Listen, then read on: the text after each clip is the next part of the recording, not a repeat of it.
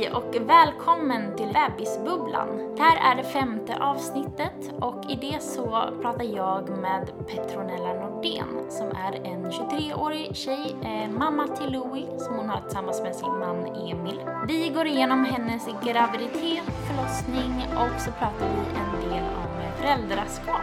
Ehm, det var ett jättemysigt samtal hemma hos dem i Halmstad och eh, jag hoppas att ni också tycker om det. Om ni gillar podden så får ni jättegärna prenumerera och betygsätta på iTunes. Det hade varit superkul.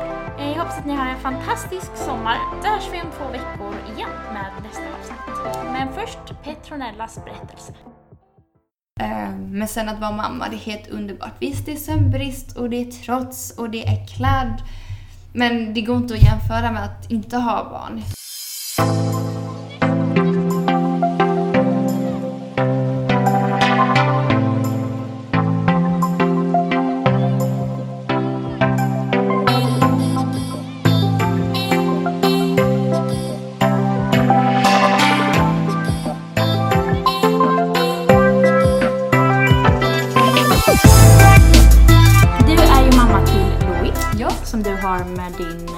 Sambo. jajamän. Ja, snart är ni ett gift par. Ja, bara fem veckor kvar tills vi gifter oss. Härligt. Ja.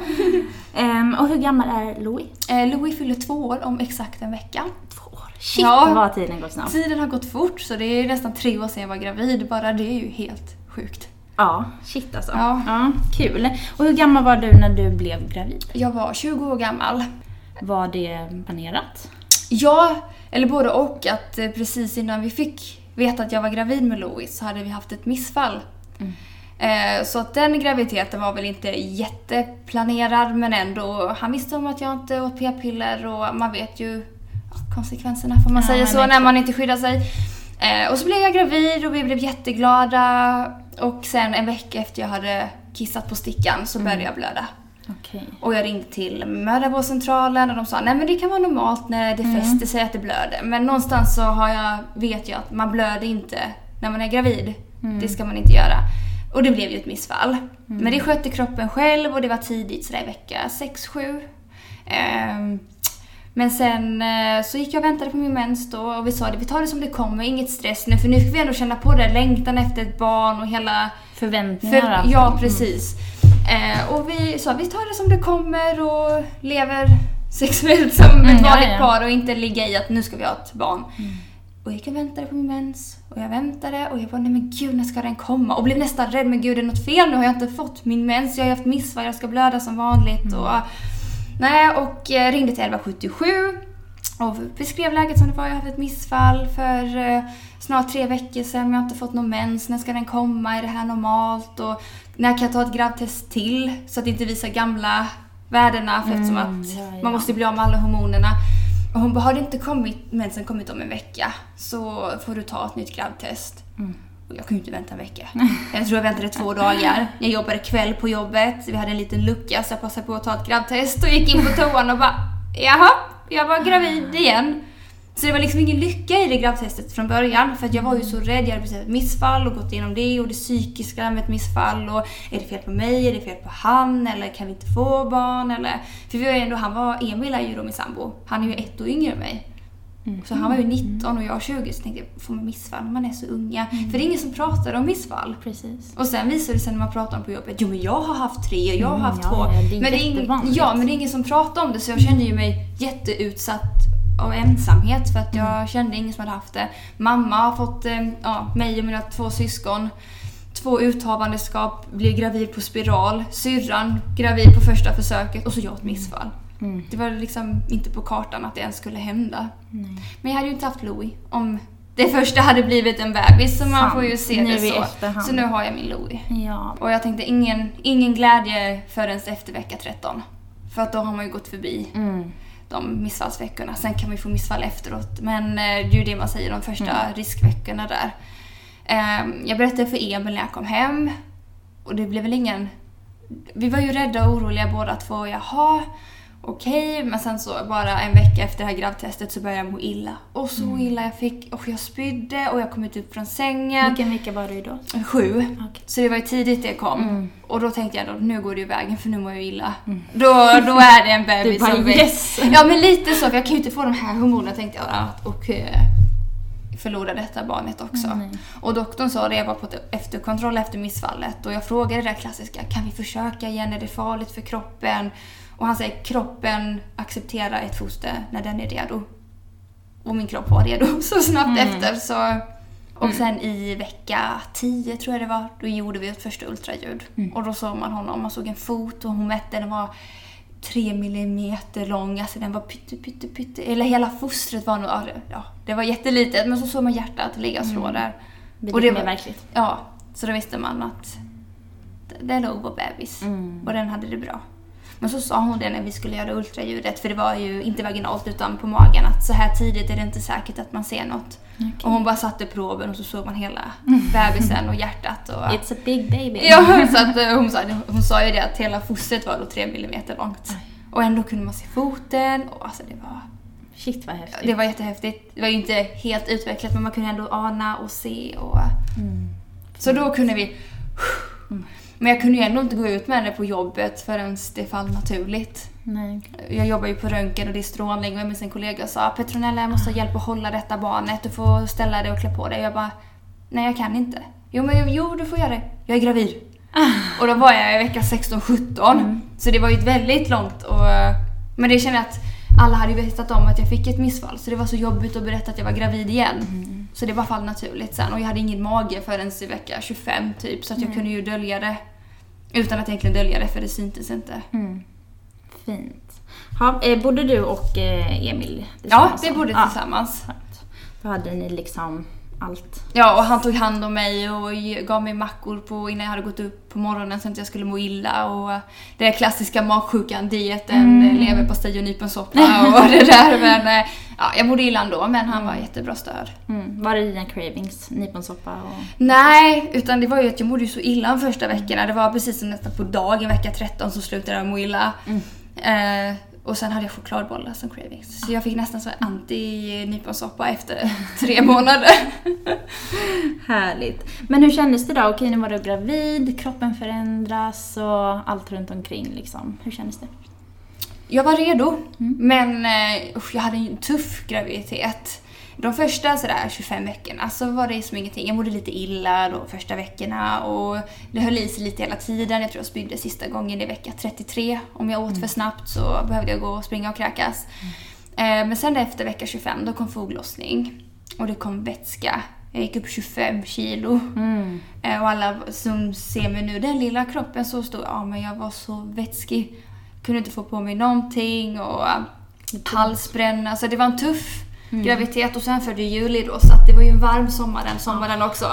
Så jag fick- Dubbelt upp nästan. Ja, så att, eh, och det här visste jag inte heller. Eller visste och visste att folk har haft det jobbigt under graviditeten, det vet man ju. Men jag trodde inte att man kunde få så mycket. Nej. Sen är det de som har det värre än mig, men eh, för mig var det ju tufft att eh, inte få på sig skor och kräkas och ont i höfterna och... Ja, det är både tufft liksom fysiskt och psykiskt Ja. såklart. Liksom. Och eftersom att jag var bland de första i min omgivning av kompisar som fick barn så har jag relaterat till min mamma och mina, min syrra då. Och de har gått upp åtta kilo, ingenting. Och jag bara liksom stod som ett vätskehus och... eh, Så jag fick ju jämföra mig med dem, eller jag gjorde det för att jag kände ingen annan som hade varit gravid. Nej. Och då var det en med nej men gud alltså, har ni, fick inte ni vätska? Och mina vader bara blev större och krampade och... För du bloggar ju, eller hur? Ja, Kunde du hitta någon, liksom, något stöd i alltså, kommentarer, bloggläsare eller något sånt där? Ja, men det kunde jag. Eh, Men även där var det svårt att eh, skriva att jag var gravid först. Jag hittade liksom inte hur ska jag inleda det här? För det var ju så jobbigt psykiskt för mig. Och, och jag minns att väldigt långt in i graviditeten så varje gång jag hade varit och kissat så torkade jag mig extra mycket för att bara se, kommer det något blod? Kommer det något blod? Så psykiskt var jag nog inte redo att bli gravid så snabbt. Jag hade inte återhämtat mig riktigt. Men kroppen var ju redo. Så det var en väldigt känslofylld graviditet. Väldigt långt in på den. Under graviditeten, gick ni några förberedande kurser? Ja, vi gick allting som mödravården eh, erbjöd. Så det var profylax, amningskurs, föräldrakurs. Sen var det säkert något mer som jag inte kommer ihåg just nu. Men vi gick verkligen på allt och vi var väldigt aktiva och eh, lyssnade och tog råd och förberedde oss så gott vi kunde för en bebis. Mm. Var de givande? Väldigt. Det måste jag verkligen säga att jag rekommenderar dem starkt. Även om det är andra barnet kanske för man glömmer och får en påminnelse. Och viktiga kurser faktiskt. Mm. Kul. Hur kände du då inför eh, förlossningen? Jag hade någonstans i mitt huvud att jag kommer komma hem med en bebis. Den kommer komma ut. Kroppen får sköta det. Jag kan inte kontrollera det här. Jag visste att det skulle göra ont, för det säger alla, men jag visste inte hur det skulle göra ont. Eh, Och min smärta var att jag fick sånt tryck i mitt bäcken när han skulle passera det. Och jag minns att jag kände som att mina höfter bara trycktes åt ett varsitt håll och jag var liksom fast bland mina höfter och hade ett väldigt tryck i ryggen hela tiden för han låg så långt nere under hela förlossningsarbetet. Så jag minns att barnmorskan sa det att vi förstår om du har ont hela tiden för din bebis ligger jättelångt nere så att jag hade tryck hela tiden. Men det var ju positivt, han behövde inte sjunka ner utan när jag var uppe var det bara att krysta så att eh, ja, det var ju för och nackdelar med det också. Ja, verkligen. Men eh, alltså innan du blev, om vi ska eh, se tillbaka lite så här, innan du blev gravid, Ja. kände du att du hade mycket kunskaper då om liksom, ja men en graviditet, eh, förlossning och efter bebis och så? Inte eh, jättemycket måste jag säga. Jag trodde att det skulle vara lättare att vara gravid. Ehm, Men jag hade hört mer skräckhistorier om att föda barn än vad jag upplevde att det var. Jag tyckte det var skithäftigt. Det gör ont och allt det där, det vet man. Men det var så häftigt att min kropp klarade att trycka ut ett barn och ja, det var jättehäftigt. Coolt. Och innan vi satte på micken här så pratade vi lite om förlossningsbrev. Ja. Var det någonting du, eh, du skrev? Nej, det, barnmorskan på mödravårdscentralen sa det, vill du skriva ett förlossningsbrev? Och jag bara, men gud vad är det här? Jag tycker, visste att jag är ung men jag bara, gud vad modernt, vad är det här liksom? eh, och hon bara, ja det skriver du ett brev och hur du vill att din eh, förlossning kan gå till och lite sådär. Och jag bara, nej men det kan ju inte jag planera. Jag kan inte veta hur den kommer ut. Hon bara, okej men mm, kan vi skriva någonting i dina journaler då? Jag bara, ja att jag inte vill ha eh, ryggmärgsbedövning. Och hon bara, ja men det kanske du säger nu men ångrar dig när du ligger där. Men jag är så nålrädd. Och du vet, jag, så här, jag tänker de har fött barn, de föder barn i länder utan bedövning. Jag bara, jag ska klara det. Jag ska klara det här. Så jag var så inställd på att bara låta kroppen och jag, är väldigt, jag har en stark eh, smärtgräns.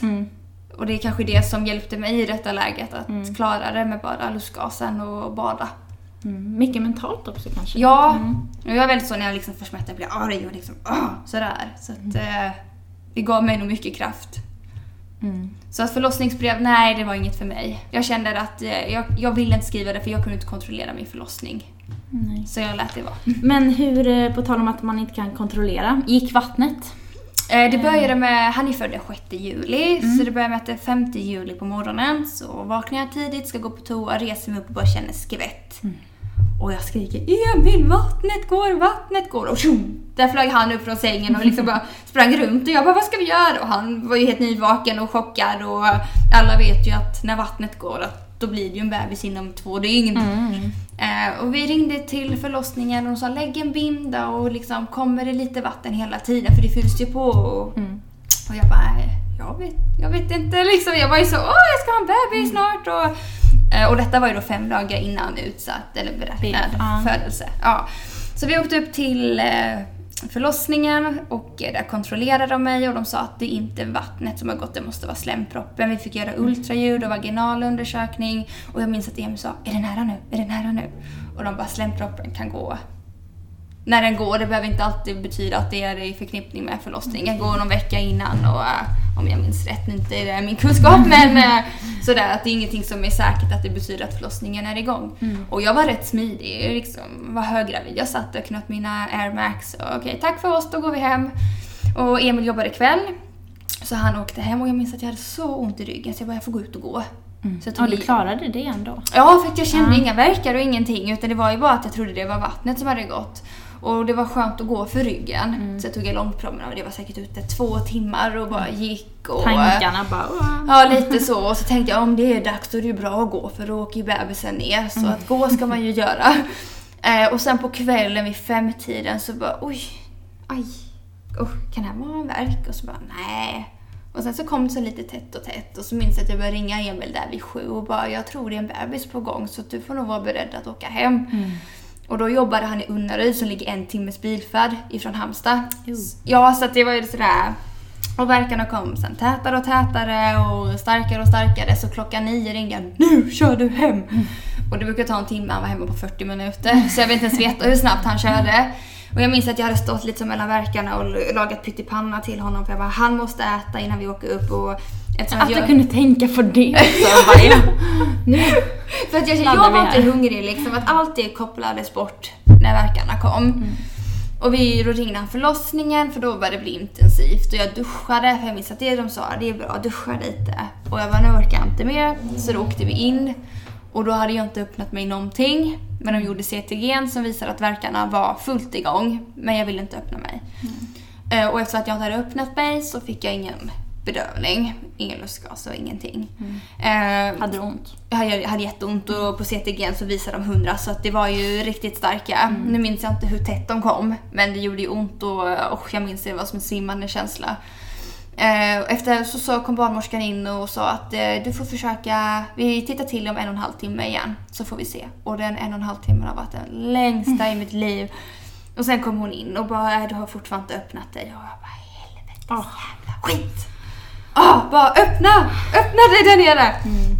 Eh, Så då beslutade de att ge mig en morfinspruta, en muskelavslappnande och en sömntablett. För de sa att du kommer behöva den energin imorgon. Så vi fick sova över tillsammans i ett familjerum.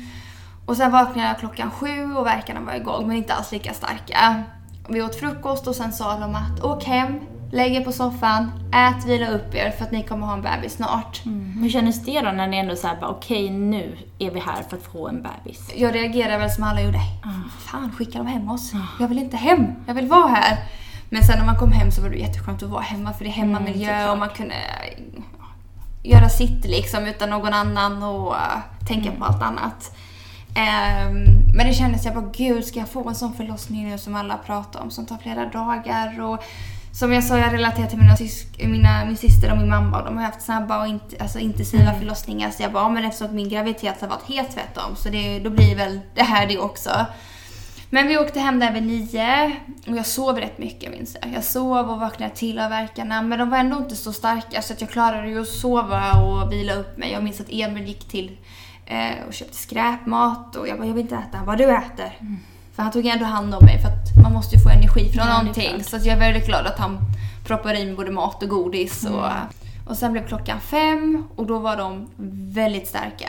Och de verkarna som vi hade åkt in för dagen innan var ju inget i jämförelse med det nu. Så när man känner så här, man bara gud, liksom åkte vi in då? Men första barnet och man bara känner att det gör ont och nu är det nog på gång. Ja, det är ju så svårt att, äh, att veta. Eh, Alltså så- också så här, hellre åka in en gång för mycket än en gång för lite. Ja, verkligen. Och vi fick ju pepp där vad de skulle göra, vi skulle göra och, och sådär. Och sen klockan fem så hoppar jag in i duschen igen. Och så säger jag till Emil att nu ringer du förlossningen och jag kommer inte åka hem, nu ska vi dit. Och de var ändå bara med sju, jag minns att de var sju minuter emellan för det var mycket emellan. Jag hann ju göra rätt mycket, de skulle komma var tredje minut. Eh, och så när vi ska gå till bilen så går Emil förväg med väskan och jag sa ja jag låser, jag kommer. Och så bodde vi på andra våning utan hiss. Och när jag börjar gå i trapporna då kommer de var tredje minut. Och jag bara, åh, ska jag ta mig ner från de här trapporna? Så det kändes som en evighet för jag fick ju stanna hela tiden och så, ja, man är ju öm och det är...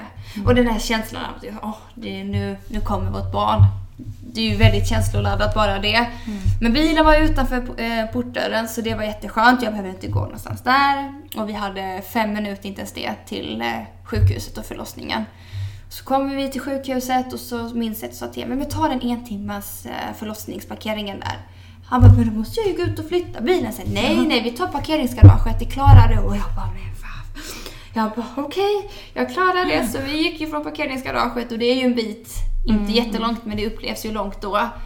Och så kommer vi in med huvudingången och ska gå till förlossningen. Och eftersom jag jobbar på sjukhuset så hittade vi, så det var inga konstigheter. Vi bara traskade dit. Och jag minns att jag möter min chef I Du huvudingången. bara, inte nu. Jag bara av alla tillfällen så jag minns att jag sa det till Emil, jag bara den här bebisen, vi sa bebisen för vi hade inte tittat könet. Nej okej, ni hade inte Nej. det? Åh vad spännande. Så det var liksom den och bebisen hela, hela alla nio månader av förlossningsperioden där eh, stunden.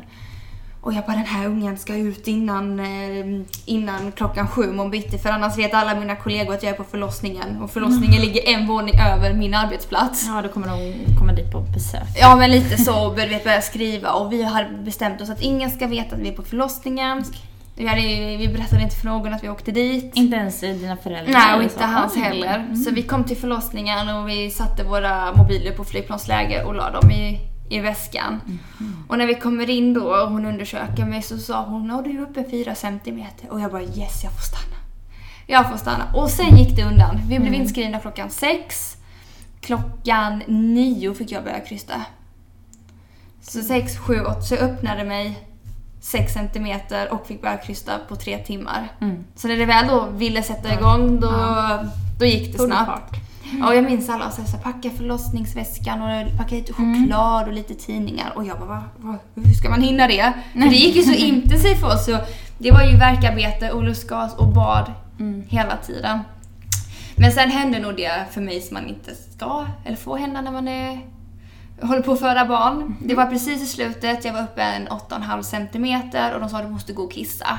För urinblåsan om den är fylld så trycker den ju på så att inte huvudet kan komma igenom. Och jag satt där, jag bara tog lustgasen, jag bara okej Emil, efter här, den här verken då går jag på toa. Och går på toan. Och det var precis också jag i övergången att det började gå från verkar till krystverkarna, att det började ändra ska man säga, rytmen på verkarna. Och jag sitter på toan och bara nej jag klarar inte det här. Och börjar halvjogga till sängen. Jag var väldigt smidig. Även om jag var höggravid och äh, sådär. Men det gick inte att kissa eller? Nej, för jag fick så ont. Och vattnet går och jag halkar och ramlar på rumpan upp en 8,5 centimeter. Jag bara, Åh, det kändes som att jag satte mig på äh, bebisens huvud. Åh. Och jag minns att man blir ju lite hög av lustgasen. Och det, det var nog bra i det läget för jag kunde minnas hur inombords hur rädd jag var. Men det var lite en känsla att man är full, man bara ja ja, det Ja. löser sig, det är ingen fara. Men jag minns att jag bara Emil, ring på klockan, ring på klockan fort som mm. Och han ringer på klockan och kommer inspringandes och han bara hon, hon ramlade, hon ramlade. Hon bara nej men varför ramlade du? Jag bara liksom, jag skulle kissa. De bara ja men du ska inte springa. Jag bara men jag skulle göra det. Ja, sådär. Och när de kommer in då så det är de som upptäcker att jag har ramlat i mitt vatten. Ja. De bara nej men det är ju en pöl här. så, så jag hade ju ramlat i fostervattnet. Oj. Ja och jag minns det och jag slog i mitt knä men det hade jag ju inte tid att tänka på nu. Nej, men de sa att det var ingen fara med Nej, så bebisen, de undersökte ju mig igen då för att det blev ju ändå ett trauma både för Ja, mig och barnet och så mitt i förlossningsarbetet. Och då ser de att sista hinnan har inte riktigt gått hål, så den tar hon Mm. hål på då. Och då är vattnet grönt. Okej, Och och har han vattnet- bajsat då i vattnet eller? Det, det visste de inte, men det Nej. ska ju inte vara grönt i alla fall. Och jag minns att de bara vattnet är grönt, hit med elektroderna, jag måste fästa på äh, bebisens huvud. Och jag bara, mår inte min bebis bra? För att jag minns att där glömde de informera mig, de pratade liksom över mig. Och jag Oj, förstod ju, nej och sen sådär, när man är insatt kanske i vården så blir man ännu mer med tonläge och man förstår att något är fel. Och jag bara, är det något fel på min bebis? Och så bara, nej nej Petra, det här är bara rutin, vi måste göra Ja, det här. blir lite, för jag har för mig i alla fall att bebisen kan typ alltså bajsa i fostervattnet när den blir stressad Ja, och så. och det, det kan kanske ju- var fallet. Ja, och den kunde han kanske hade bajsat för flera veckor sedan. Mm, Att han blev stressad av något eller sådär. Men det visste de ju inte så de eh, satte elektroderna och det kände jag inte alls av. Nej. För de var ju ändå inne med handen och satte på men det märkte jag inget av. Och de gjorde CTG och de sa att du kan vara så lugn. Din bebis är så lugn. Jag, har- jag har aldrig sett en bebis vara så här jämn ett helt förlossningsarbete. Ja, så de bara, nu går du på toa och du går sakta och du håller i Emil. Och då gick det att kissa. Mm. Eh, och efter jag hade kissat, då, då var jag slut. Då var jag trött. Mm. Och jag tror klockan var lite innan nio då. Och jag bara, Emil jag tror jag ändå får ge mig och ta den här ryggmärgsbedövningen alltså. Mm. Man ger ju inte den när man är öppen så mycket och de förstod att det var... Så de satte nål. Så där ligger jag, lite hög, ska föda barn och liksom det är verkligen nära. Vilken färg sätter ni på nålen? Hon bara, Det var det viktiga. Hon bara, liksom, jag märkte att hon bara va? Och jag bara, Ja, vilken färg? Hon var en grön. Jag bara okej, okay, jag tittar inte. Men kanske då kunde du fokusera på färgen på nålen istället för själva nålen. Ja, precis. Och då mm. satte de ju drops och skulle snabba på det lite. Mm. Och 17 eh, minuter senare fick jag börja krysta. Mm. Så att det blev ingen epidural. Och eh, det var dags att börja krysta. Mm. Och det tog 45 minuter. Så det var ändå rätt länge tycker jag. Eller ja, jag vet inte hur länge man ska krysta. Men eh, de Som sagt, olika för alla. Precis. Men de 45 minuterna var så snabba. Det kändes som 10-15 minuter. Mm, gjorde de ont? Du sa att du hade låg eller hög smärt. Ja. Jag blev trött för mm. jag kände liksom att jag tryckte och tryckte men ingenting hände. Eh, och jag minns att jag sa någon gång, den vill ju inte ut, kan ni inte bara göra ett kejsarsnitt så jag får ut den här nu? Och de bara, men du är ju jättenära. De bara, det är bara att kämpa. Och jag bara, jag vill inte. Och då minns jag att barnmorskan, hon var superbra barnmorska. Mm. Hon, hon tog inte greppade mig, men hon bara, Petronella, nu biter du ihop, ta dig samman. Vi ska ha ut det här barnet och du är nära. Mm. Så på nästa verk, då trycker du. Och jag liksom bara, mm. yes! Tillsägelse. ja, jag behövde det. För hon märkte nog att jag började liksom, nej så hon gav mig så fokus. Mm. Och jag minns det. Jag satt med hand, hade handtag och krystade. Det stod, och det var mitt i eh, kvällsbytet med personalen. Mm. Så att jag hade väldigt många personal eftersom att han var född klockan tio exakt och de slutade halv tio så var det ju verkligen precis i slutet där som de var med så de ville ju inte gå. Mm. Så jag hade en undersköterska som tryckte på ena benet, en barnmorska på det ena benet, en barnmorska som tog emot barnet och Emil som satt beredd med lustgasen ah. i mellanverkarna där. Han Hur var, han i det här skedet? Han var jättelugn. Ah. Det var jätteskönt, men han är ju en väldigt lugn person i sig själv. Men han visade aldrig för mig hur nervös han var. Mm, okay. Och, det, och efteråt, han bara, han snusar. Han bara, jag snusade en hel snusdosa på de här fyra timmarna. Och jag bara, hur hann du det? Han bara, nej men när du fick en verk så var jag snabb som attan och du märkte ingenting. Så jag satt där. Och det var ju hans sätt säkert att lugna ner sig. Att han, mm snusade där. Men det var världens bästa stöd. Mm. Och det var så viktigt för mig. Han sa aldrig att, eh, vad ska man säga? Han sa jag är här. Han sa inte jag förstår dig för att han kunde inte förstå mm. mig. Men han var där. Och det lärde vi oss på profylaxen. Mm. Det sa de, säg aldrig till den som föder att jag förstår dig. Nej. För det gör ni inte. Jag förstår, du måste ha jätteont. Man bara, hell yeah. Ja, precis. Så de sa, säg inte så.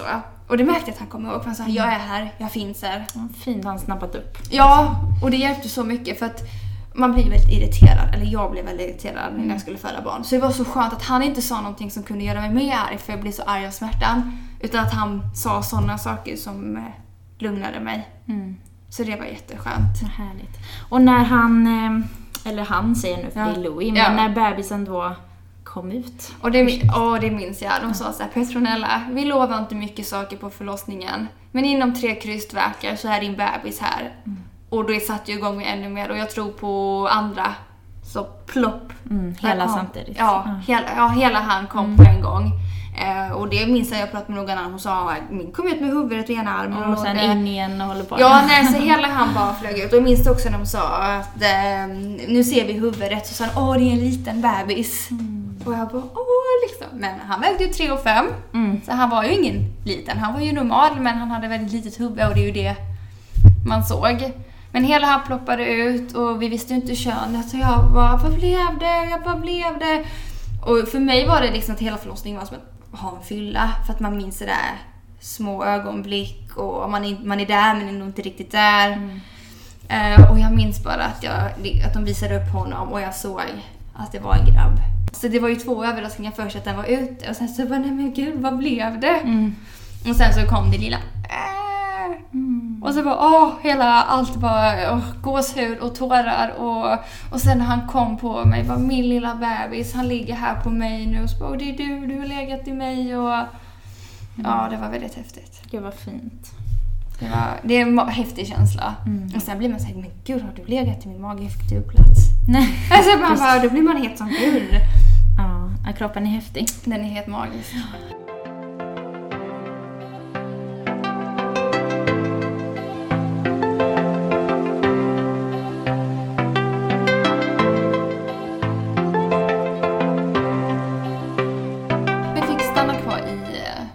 Dagar. Mm.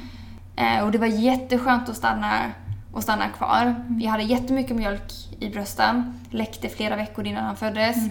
Men han ville inte suga. Mm. Och då fick man hjälp till hur ska jag göra och de bara, typ, lite så här, har mjölken kommit igång? Och de kom in sked och jag tryckte och bara, gud, ja, det är inget fel på uh, alltså, bröstet att det inte har kommit igång. Men han ville inte äta i början bara. Okej.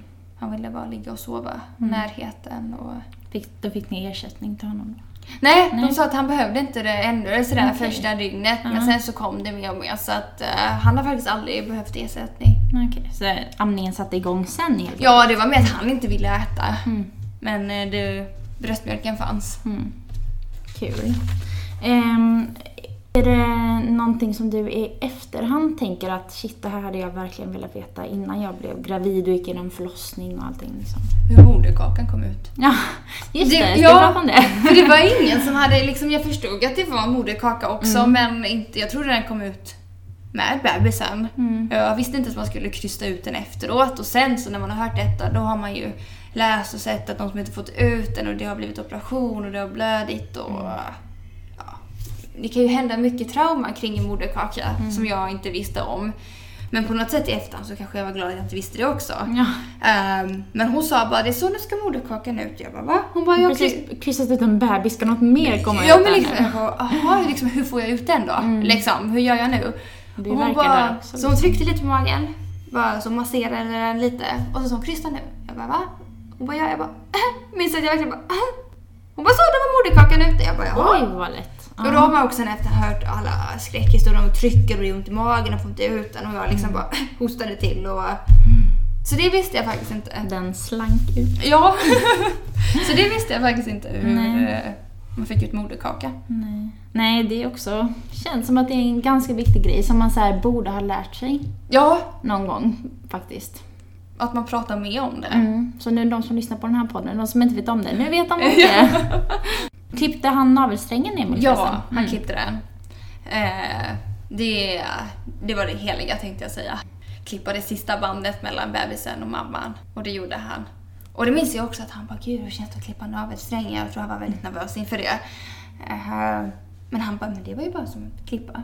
Mm. Alltså sådär, den är man ska skrämmande när man ser den. Alltså sådär, man bara gud och man vet att den har förknippat sig med mamman och barnet, att allt mat och näring har gått igenom den och... Nej, han bara, det var bara klipp. För att jag minns, som jag sa innan, jag, man min, jag minns inte allt, det var lite minnesluckor med lustgasen och det, men eh, jag minns att jag liksom såg han klippa och eh, Mm. Och sen var, det, sen var ni tre. sen var vi tre. Ja. Och ni kom hem och så då, hur blev eh, sömnen? För er? Inte så, inte så farlig faktiskt. Han, var tredje timme åt han och sen somnade han om och han somnade mycket, eller jag somnade när vi nattammade och, och sådär. Så det är faktiskt riktigt bra. Mm. Härligt. Hur, eh, alltså när man får barn, det är ju en stor förändring på många sätt. Men hur eh, förändrades, eh, eller hur påverkades ert eh, förhållande, ditt och Emils? Att det var inte bara han och jag nu. Att det är något mer i bilden, vad man än ska och vad man än ska göra. Så är vi en till person, det ska planeras. Har han ätit? Har han blöja? Har vi packat kläder? Innan kunde man bara ta sin väska eller plånbok och gå ut genom dörren. Men nu var man tvungen att titta, har jag med hela kittet? Hur många blöjor? Har vi våtservetter? Och... Har vi med ungen? Ja men lite så. Okej, har vi vagnen och var ställer vi bilen och har vi allt? Ja. Så mycket sånt att det är ju en person mer som ska med. Och mycket grejer som ska med. Mm. Man vet inte hur mycket ombyte man behöver. Och, men det var väl lite svårare att vara spontan. Och det är det fortfarande. Det kan vara många kompisar bara "Ah, vi träffas ikväll, vi ska dit. Och så bara "Ah, men vem ska ha Louie? Liksom, det är en person, och det märker jag att många omgivningen glömmer också. Att vi är gärna spontana hänger med på saker. Men vi måste bara kunna planera med, med Louie. Ja, såklart. Också om man har ett umgänge som inte har barn också. Så Precis. då, ja, det blir svårt att ta hänsyn för det, liksom om man inte har det automatiskt i sig. Ja. Liksom, så. Så det märker man typ på midsommar. Många i vår ålder de festar ju och festar rätt ordentligt och det kan ju inte vi göra med barn och då måste vi planera långt innan. Kan någon ha för midsommar just en dag som alla firar och, och sådär. Ja, det blir lite andra pri- Ja, prioriteringar. precis. Men det behöver inte vara en liksom, dålig grej. Det kan vara en fördel också. Ja, Såklart. det ger väldigt mycket. Mm. Så är det några andra utmaningar i ert förhållande? Eller har det stärkts bara av att ni har blivit tre? Det har blivit eh, starkt. Mm. Det har det verkligen blivit. Eh, ah, jag vet inte riktigt hur man ska beskriva det. Det är så, det är så speciellt att ha ett barn. Liksom vi ser honom och så kan vi fortfarande ibland bara, så kan du förstå att du och jag har gjort honom. Han är halva dig, han är halva mig. Det är vårt barn. Och liksom den han blir, det är våra gener, vi som har skapat honom, vi som uppfostrar honom att... Ja, det vi lär honom och det han blir, det är hur vi väljer att han ska vara. Ja, det är helt otroligt. Fint. Vad är det bästa med att vara förälder, tycker du? All kärlek man får. Och all glädje och skratt på ett sätt som man inte kan få på något annat sätt. Det är väldigt speciellt med kärleken från ett barn. Mm. Även om inte han är så stor så har man, man får ju kärlek av honom och alltid har fått. Han visar det på sitt sätt och äh, att någon förlitar sig på en. Att det är liksom mamma, mamma, pappa, pappa. Vi är hela världen för honom och ja, det är så häftigt. Vad kul. Är det någonting som du känner så att ehm, men jag tänker med förlossningsvården så, i och med att du också jobbar på ett sjukhus, är det någonting du liksom... Du kanske ser de här bristerna eller mm, saker som inte är brister, liksom, lite mer än oss andra. Är det någonting du tänker på? När vi eh, väntade Louie då, eller skulle på förlossningen, skulle få honom. Då hade vår barnmorska och undersköterska tid på oss hela tiden. Mm. Och jag har träffat andra mammor, jag har gått på väldigt mycket mammagrupper, babycafé och sådär som berättade att ah, när de skulle sy mig fick jag ligga i den stolen i två timmar för att det var så mycket. Och vi var ju ute från förlossningen på en timme. Mm. Så det, var så svårt så vi fick aldrig uppleva de bristerna som alla pratade om utan allt var jättebra. Mm. Och då är det så svårt också att relatera till det man hör. Att det, jag förstår att det är det. Alltså det läser man och som du sa, jag jobbar inom vården, jag vet med personal och sådär. Mm. Men vår förlossning var så himla bra. Mm. Ja, för man är, det finns ju de som, vissa sjukhus där det inte ens är en självklarhet att man är en barnmorska per födande. Alltså så här minst. Ja, eller att det är alltså. fullt, att man Ja, inte har plats. Precis, Och... eller inte ens har ett BB i närheten. Men det var jag lite nervös över när vi skulle föda Ja. barn för att om jag minns rätt så är Halmstad sjukhus en av de bästa sjukhusen att föda barn på. Du får gärna rätta mig om jag har fel. Nej, nu, säger jag inte nu säger jag inte det för att jag bor där men jag har för mig att jag har läst det någonstans. Mm. Och att många kommer till Halmstad sjukhus för att föda barn, speciellt på sommaren. Mm. Eh, Så det hade jag väl lite i bakhuvudet också. Men jag var lite så, det löser sig, det kommer gå bra. Jag kan inte stressa upp mig för detta just nu, jag kan inte kontrollera det. Så att jag reflekterade aldrig så mycket över det. Utan den dagen det var dags, då, då var det bara fokus på att Mm. få ut barnet. Mm. En grej jag glömde fråga där vid, eh, precis efter förlossningen var om du eh, liksom kände av några förlossningsskador efteråt och hur kroppen kändes efter. Jag fick sy fyra stygn Mm. utspritt i eh, underlivet. Eh, jag blödde mycket, men det var nog inte så mycket. Jag tror efter en vecka så eh, var det borta. Eh, men jag hade väldigt ont i min ena höft. Nu minns jag inte vilken det var. Mm. Eh, men jag minns att den började träna sen efter fem månader. Att den, den var öm liksom. Jag kände som artros, en gammal tants höft Mm. ungefär. Eh, så det var väl det. Och det var nog rätt logiskt med tanke på trycket jag hade i höfterna när han kom. Att det var något där. De ska ändå passera och jag var inte speciellt stor på kroppen. Och, men han var lagom stor och, och sådär. Eh, och jag minns att ni, det var ju sådana stygn som gick bort av sig själv. Och jag minns att när de började lossna efter sådär två veckor att då var jag tvungen att duscha varje gång jag skulle kissa. För det sved så mycket. Och jag minns att sådär, jag är en väldigt öppet förhållande med varandra. Så jag bara Emil du måste komma och kolla mig under livet för det gör jätteont. Han, jag minns att han kommer och bara jag vet inte hur det ska se ut men eh, jag ser ingenting. Jag tänkte liksom det var en infektion, det vet ju alla hur det ser ut liksom. Men jag var okej så att eh, det var väl att stygnen då lossnade. Det blir som en sårskorpa och de ska bort och Mm. eh, men sen efter någon dag så kände jag ingenting och jag blev förstoppad. Ja, jag vet inte hur många pratar om det men första avföringen efter man har fött barn. Det var ingen det var värre för mig än Det får du gärna berätta om. men jag minns att alltså, jag kände att jag behövde bajsa. Mm. Men jag kunde inte. Alltså hela öppningen var ju helt öm och liksom kändes som att den var bortdomnad. Och, och jag minns att jag bara, mamma du måste köpa katrinplommon. Eh, för det vet man ju Ja, hjälper. absolut. Jag vet inte hur många påsar jag käkade och jag hatar eh, katrinplommon men jag bara, men jag Ja, måste bajsa och jag vill inte bli förstoppad och jag vill liksom inte gå igenom hela den biten också. Mm.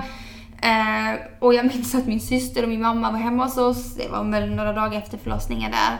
Och jag minns att jag sa, okej sa jag, nu har jag käkat jättemycket katrinplommon, jag tror jag måste gå och bajsa.